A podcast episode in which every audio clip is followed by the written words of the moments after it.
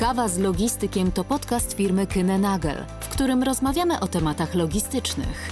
Przybliżamy kwestie związane z transportem i organizacją łańcucha dostaw oraz przedstawiamy aktualną sytuację rynkową. Po to, byś zawsze był na bieżąco dla swojego biznesu. Zapraszamy do wysłuchania.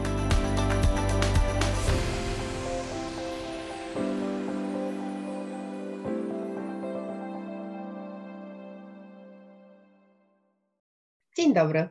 Magdalena Kraszewska i kolejny odcinek podcastu Kawa z Logistykiem. Dziś zaprosiłam do rozmowy Michała Dąbrowskiego, który zajmuje się na co dzień łańcuchem dostaw dla branży automotive. Cześć Michale. E, cześć Magdo, dzień dobry Państwu. Bardzo mi miło tutaj gościć dzisiaj u Ciebie. Powiedz mi na początek, czy masz ze sobą kawę? Tak, oczywiście. bo wiesz, bo to podcasty z, z cyklu Kawa z Logistykiem. Zanim przejdę z Tobą do głównego tematu tego odcinka, chciałabym Cię zapytać o to, jaką masz pasję. A to dlatego, że słyszałam, że ona jest dość nietypowa. Możesz powiedzieć parę zdań? Tak, nie wiem, czy mamy tyle czasu, natomiast faktycznie moja, moja pasja czy zainteresowania są dość dość może nietypowe czy, czy oryginalne, a mianowicie e, zajmuje się e, freedivingiem, czyli nurkowaniem na zatrzymanym oddechu, bez tego całego sprzętu, który mają e, nurkowi sprzętowi w postaci butli, automatów i, i tak dalej. No i jestem też czynnym, czynnym zawodnikiem w tym sporcie. Reprezentuję również nasz kraj na zawodach międzynarodowych, a także jestem członkiem kadry na, na Mistrzostwa Świata. Powiedz mi, czy logistyka Ci w tym jakkolwiek pomaga?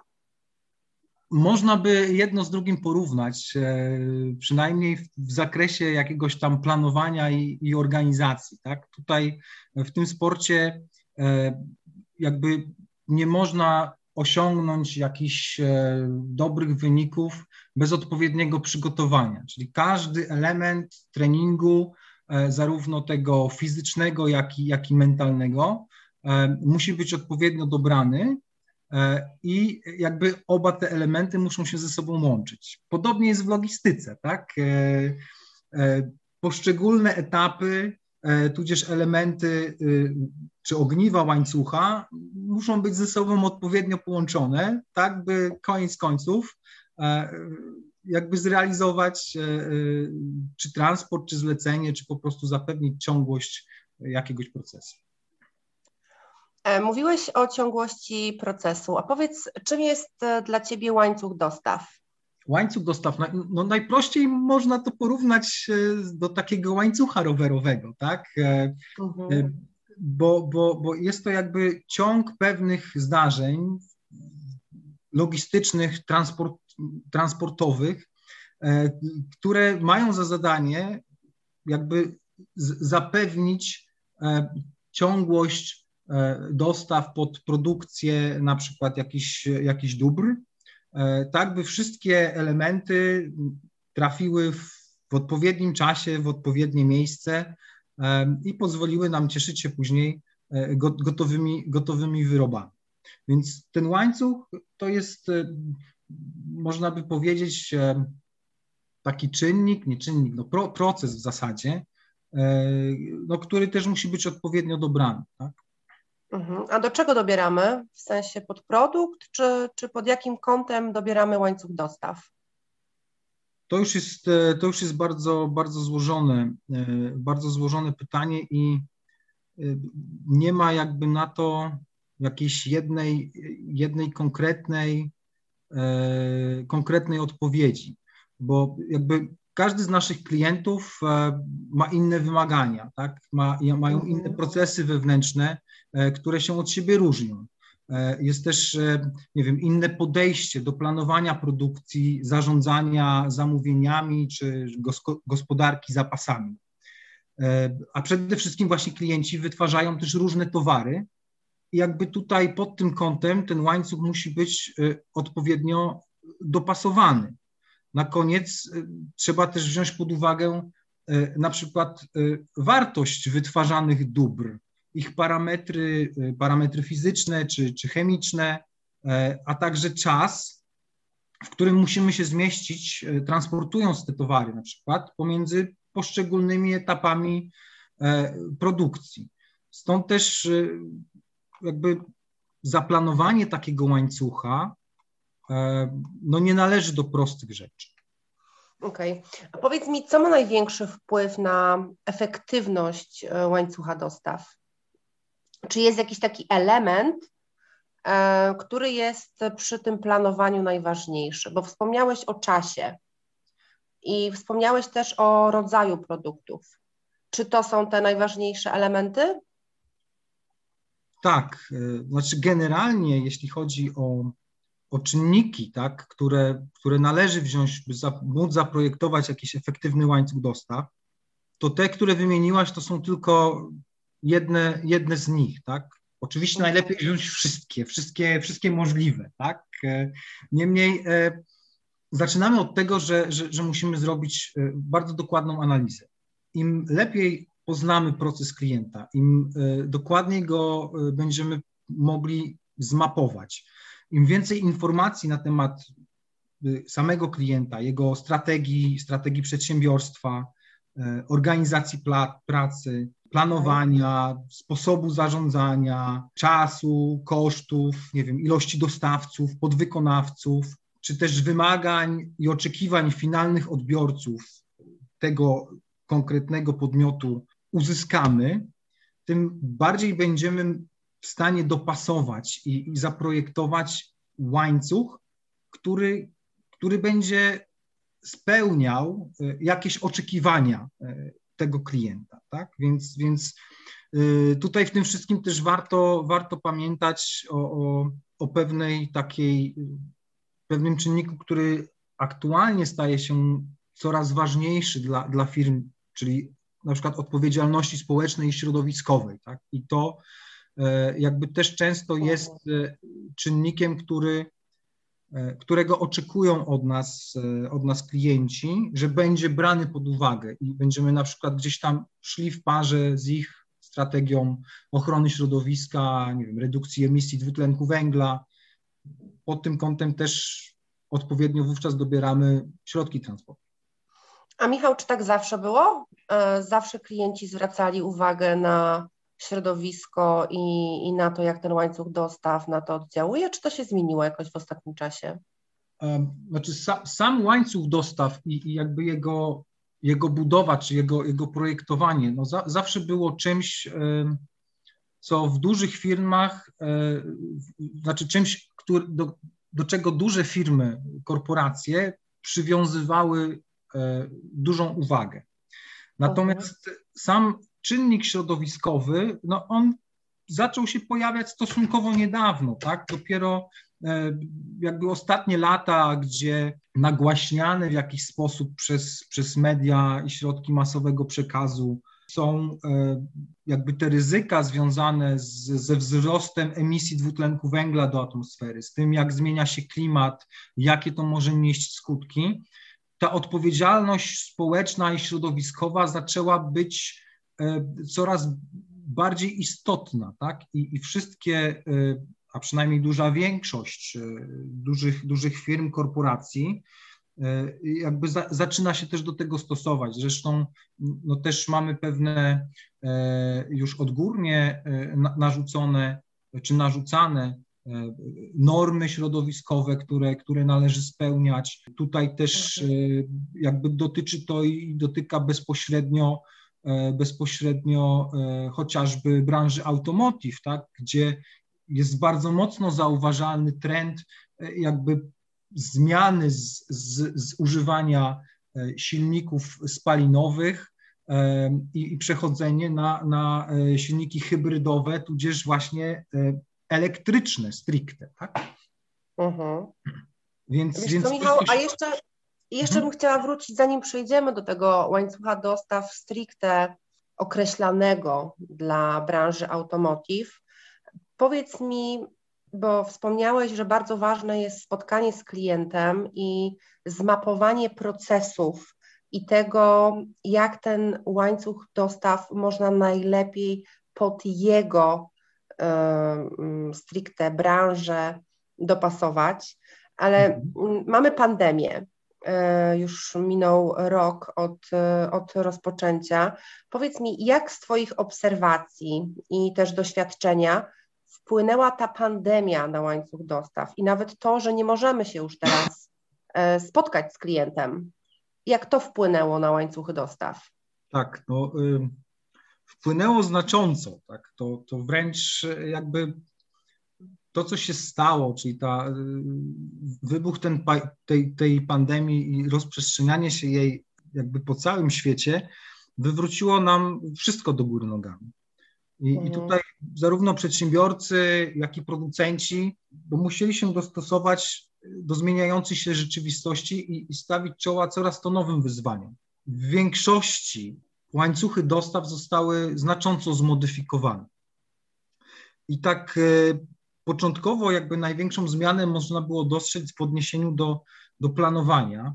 E, I tutaj mam na myśli wszelkiego rodzaju, na przykład estymacje, prognozy, e, tudzież składanie zamówień wśród klientów. E, jakby to jak w momencie, kiedy, kiedy początkowo za, całkowicie praktycznie zamknęły się Chiny, no później klienci byli dość mocno, że tak powiem, ostrożni w składaniu kolejnych, kolejnych zamówień. Tak? I tutaj jakby trzeba to też umiejscowić w jakimś kontekście, powiedzmy, historycznym czy chronologicznym, tak? bo, bo pamiętamy, że, że rok 2019 y, przed pandemią no, był, myślę, udanym rokiem w moim odczuciu przynajmniej, a jakby wszelkie też wskaźniki gospodarcze e, e, wskazywały na to, że, że, że świat szedł do przodu, tak? gospodarka się rozwijała, e, a jakby rok 2020 jakby też zapowiadał się bardzo, bardzo optymistycznie. Tak? I, i, I tutaj jakby ten wybuch pandemii w Chinach,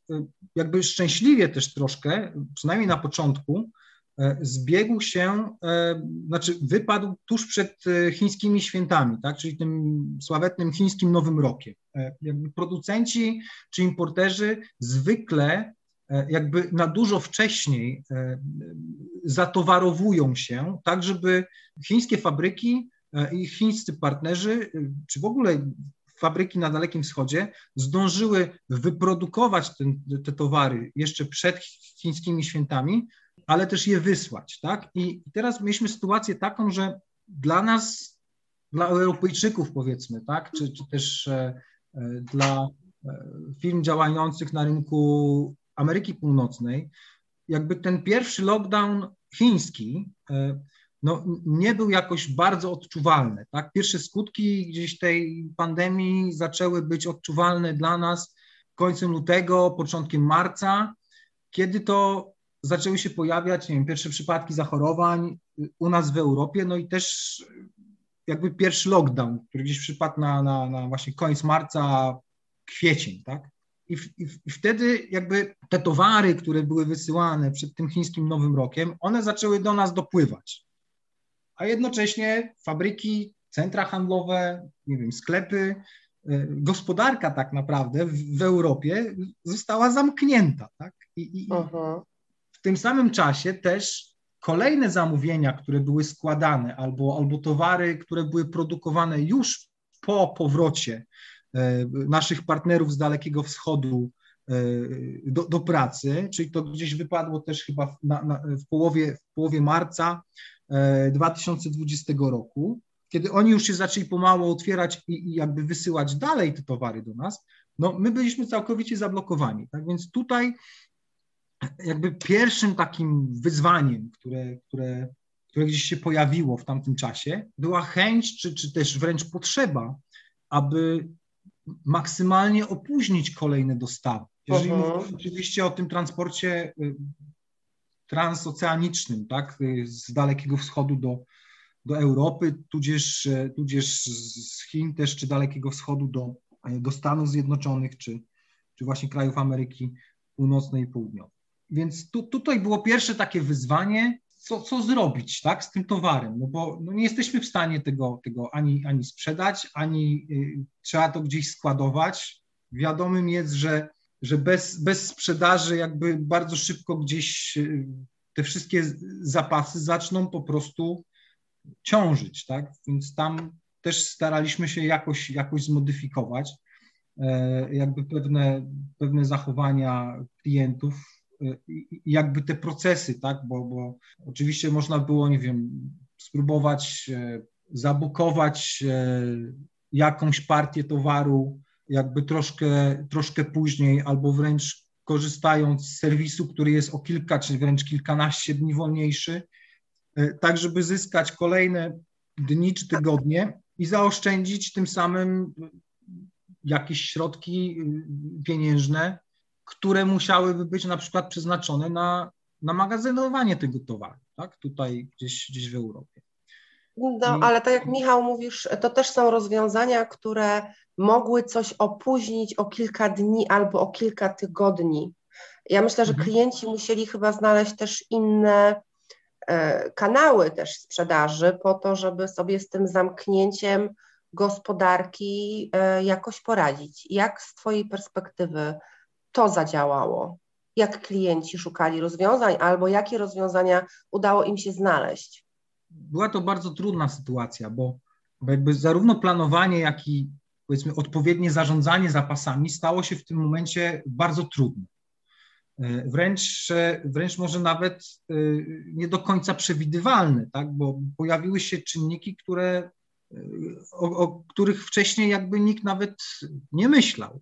Mhm. Jakby patrząc chociażby pod tym kątem na, na branżę automotive jako, jako taką, no to mam takie wrażenie i poczucie, że, że właśnie najbardziej dotkliwie ta branża została dotknięta tymi zmianami, tak? Bo tutaj jakby trzeba pamiętać o tym, że, że sam przemysł motoryzacyjny w większości przypadków, a, a już w szczególności jeśli mówimy tutaj o, o produkcji, to ten, to ten system jest, czy też właśnie ta produkcja jest zorganizowana w systemie just in time. I fabryki, Co to oznacza?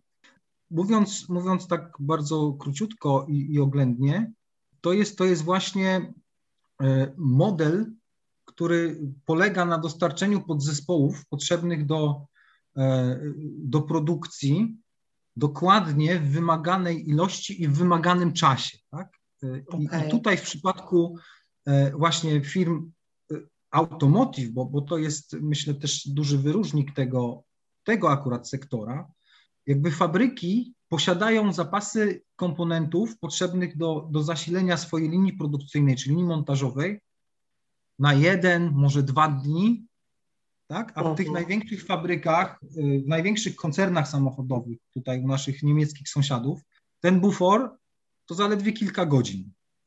Czyli nie ma jakiegoś Ojej. safety stocku, nie ma, nie ma jakiegoś po prostu zaplecza, e, które gwarantowałoby dostarczenie e, właśnie towarów, komponentów na linię produkcyjną w razie jakichś takich nieprzewidywalnych okoliczności, tak? I, i jakby to było, to było bardzo takim dużym wyzwaniem, zarówno, zarówno dla OEM-ów, czyli, czyli producentów już, którzy, którzy montują auta, dane marki na, na swoich liniach produkcyjnych, e, jak i dostawców e, gotowych komponentów, tak? bo, bo, bo jakby mówimy tutaj o tym modelu just in time, tak? czyli, czyli e, jakby to też nie jest tak, że nagle wszystko zjeżdża na tą linię produkcyjną i każda śrubka gdzieś tam jest przykręcana do kolejnej i, i w fabryce już e, koncernu samochodowego. No, no to wygląda w ten sposób, że, że ci OEM-owie, czyli producenci,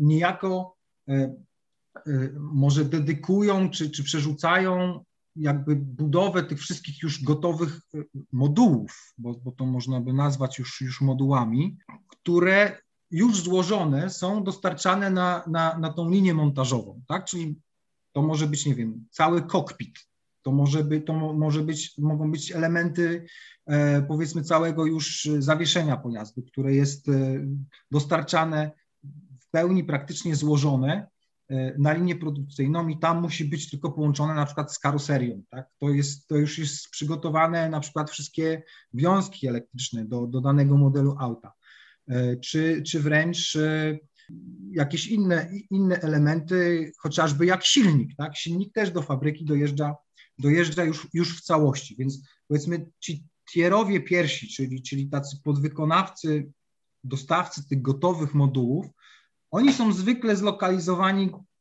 w niedalekiej odległości od, od tych linii montażowych, żeby ten czas okay. wydziałania e, i, i, reakcji był możliwie jak najkrótszy. Zresztą to też jest e, jakby od dawien dawna już znana i stosowana przez, przez producentów, przez koncerny samochodowe de facto metoda, żeby jakby maksymalnie zre, zredukować ten czas realizacji, tudzież dostarczenia danych komponentów na, na linię produkcyjną jakby w jak najkrótszym czasie, tak? Czyli od czasu wywołania do czasu e, dostawy, no to, to czasami to są, to są godziny, tak? A przy, przy, przy organizacji pracy właśnie w tym systemie e, just in time, no to jest, jest, jest, to, jest to bardzo ważne.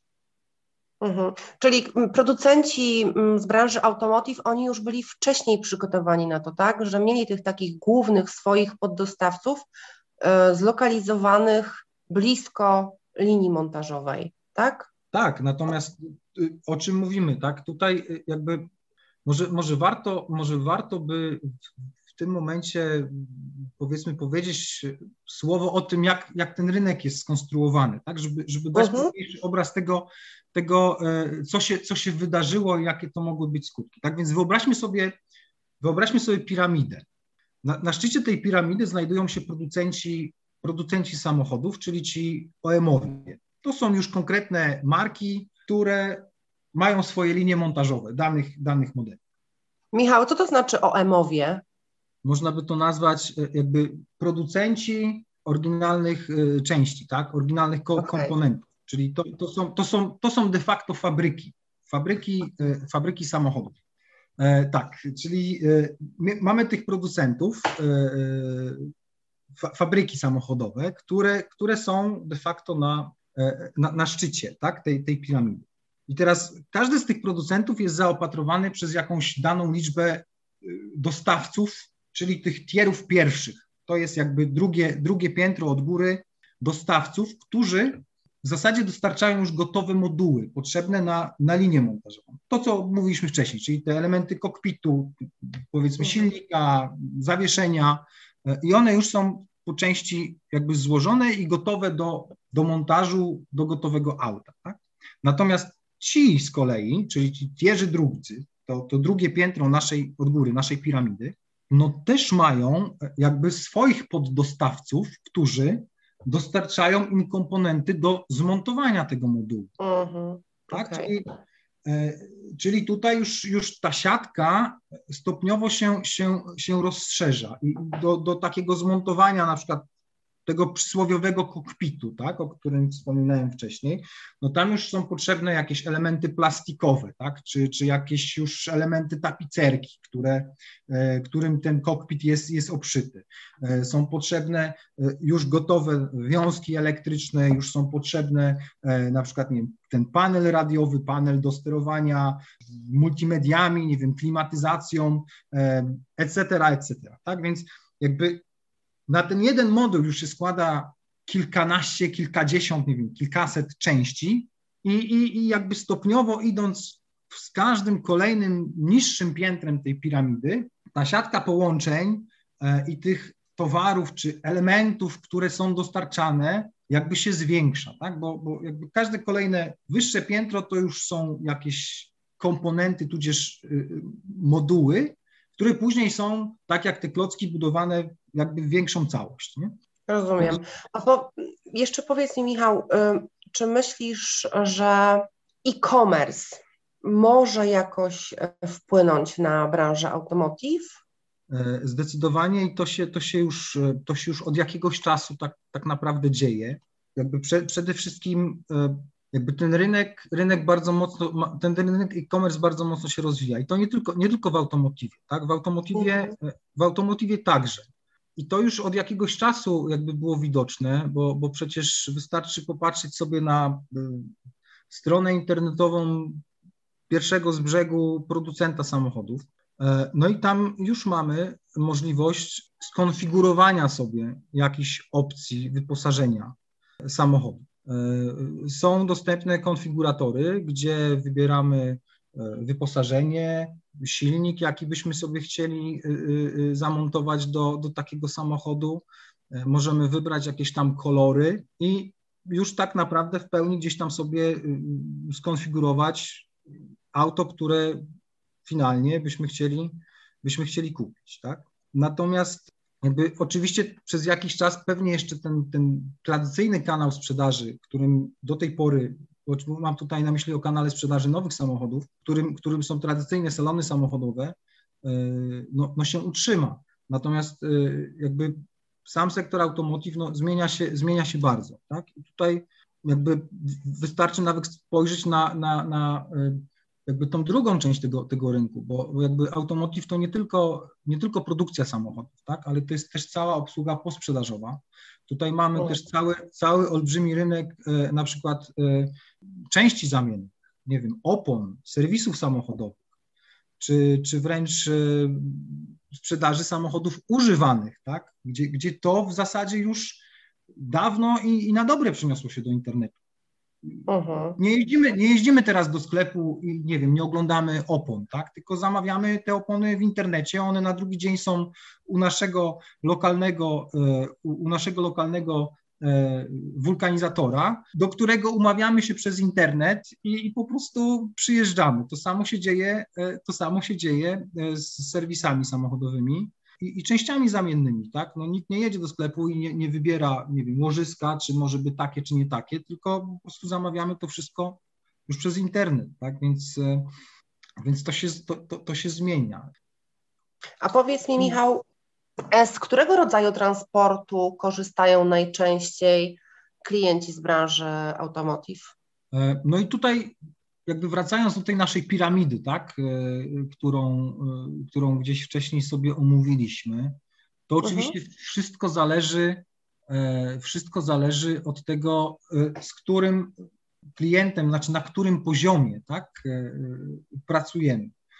Bo jeśli mówimy już o samych dostawach tych tierów pierwszych do, do, na linię produkcyjną, do, do producentów, do fabryk, to tak jak mówiłem, oni są ulokowani względnie blisko, blisko i, i, w zasadzie to jest transport drogowy, a czasami, czasami nawet te magazyny są jakoś wybudowane czy połączone po prostu przy liniach i tam już są specjalne, nie wiem, taśmy, podajniki, którymi z jednego magazynu do drugiego ten towar gdzieś tam się e, przemieszcza. Tak? Natomiast jeśli mówimy o kolejnych ogniwach, e, czyli tych niższych piętrach tejże piramidy, no to to tutaj już jest y, bardzo duża róż, różnorodność, tak? Y, jakby tego, z czego, z jakiego transportu klienci korzystają.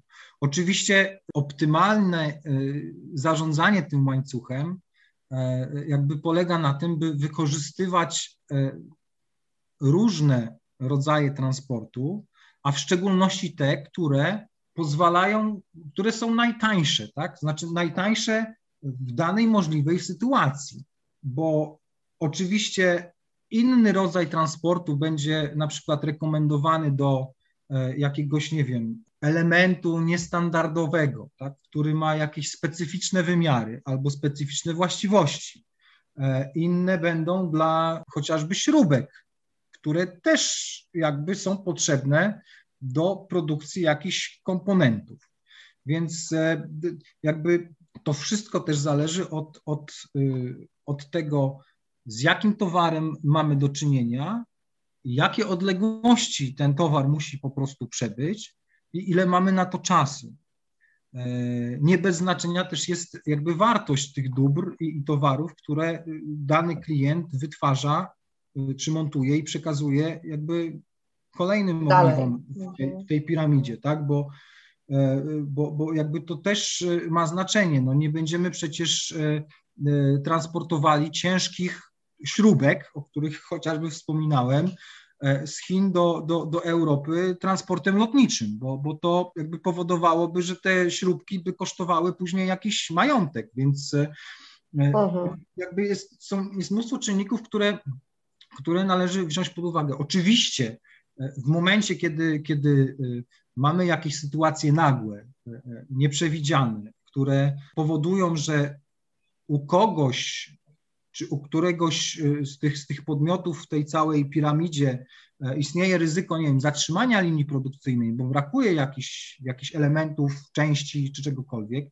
no to nawet te przysłowiowe śrubki czasem opłaca się po prostu ściągnąć tym transportem lotniczym jak najszybciej, żeby trafiły na linię produkcyjną i nie spowodowały jej zatrzymania, e, niż po prostu e, dopuścić do zatrzymania linii i później płacić jakieś kary tak, za, za, za zatrzymanie produkcji.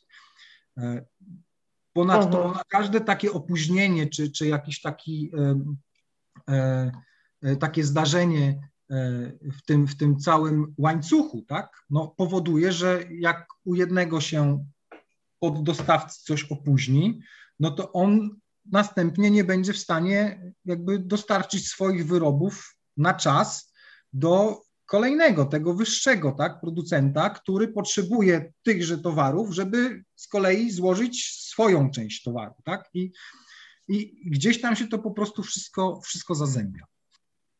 Tak właśnie, Michał, jak z Tobą rozmawiam, to ten łańcuch dostaw dla branży automotive e, tak kojarzy mi się właśnie z tym procesem, z tym powiązaniem, z tym czasem i zależnością jednego od drugiego. Powiedz mi, e, bo do tej pory z tego, co wyczytałam, to Chiny są kluczowym rynkiem, jeśli chodzi o rynek dostawców. Czy myślisz, że to ulegnie zmianie w przyszłości, właśnie żeby uniknąć e, ewentualnych zastojów bądź e, takich sytuacji, jak mieliśmy teraz?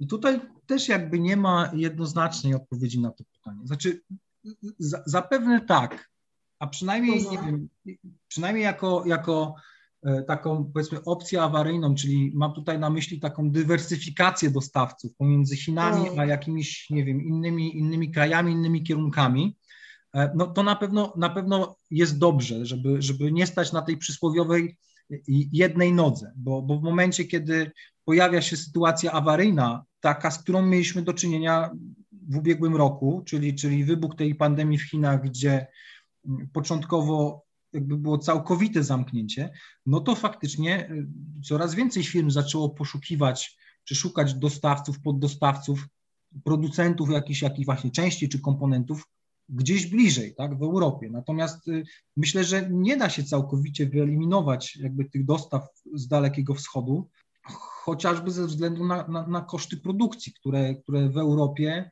e, no, są zdecydowanie wyższe niż, e, niż tam. I, I nawet jeśli ten transport, e, koszt transportu, z czym jakby też mieliśmy ostatnio do czynienia, wzrósł, no to nadal ten rynek produkcji właśnie na Dalekim Wschodzie będzie, będzie bardziej atrakcyjny niż, e, niż ten nasz europejski. I tu z pewnością jakby upatruję duży udział jakby tego, tej, tej produkcji chińskiej, chociażby dla tych e, dostawców z poziomu trzeciego, czwartego i jeszcze niżej. Tak? Oni będą jakby odpowiednio wcześniej sobie tą produkcję planować, bo, bo jakby też mają określony profil y, swojej, swojej działalności, e, no i też y, będą może w stanie odpowiednio wcześniej zaplanować sobie jakieś, jakieś właśnie partie dostaw, które pozwolą im zazębić to wszystko tak, i, i spiąć. Michał, mówisz właśnie o tym planowaniu, a skoro planowanie, to pewnie też i wymiana informacji. E, powiedz mi, czy w tym wszystkim e, operator logistyczny może wspomóc tych dostawców jakimś systemem informatycznym, który pomoże wymieniać informacje, gdzie dany transport w danym momencie się znajduje. Czy to jest też rola operatora?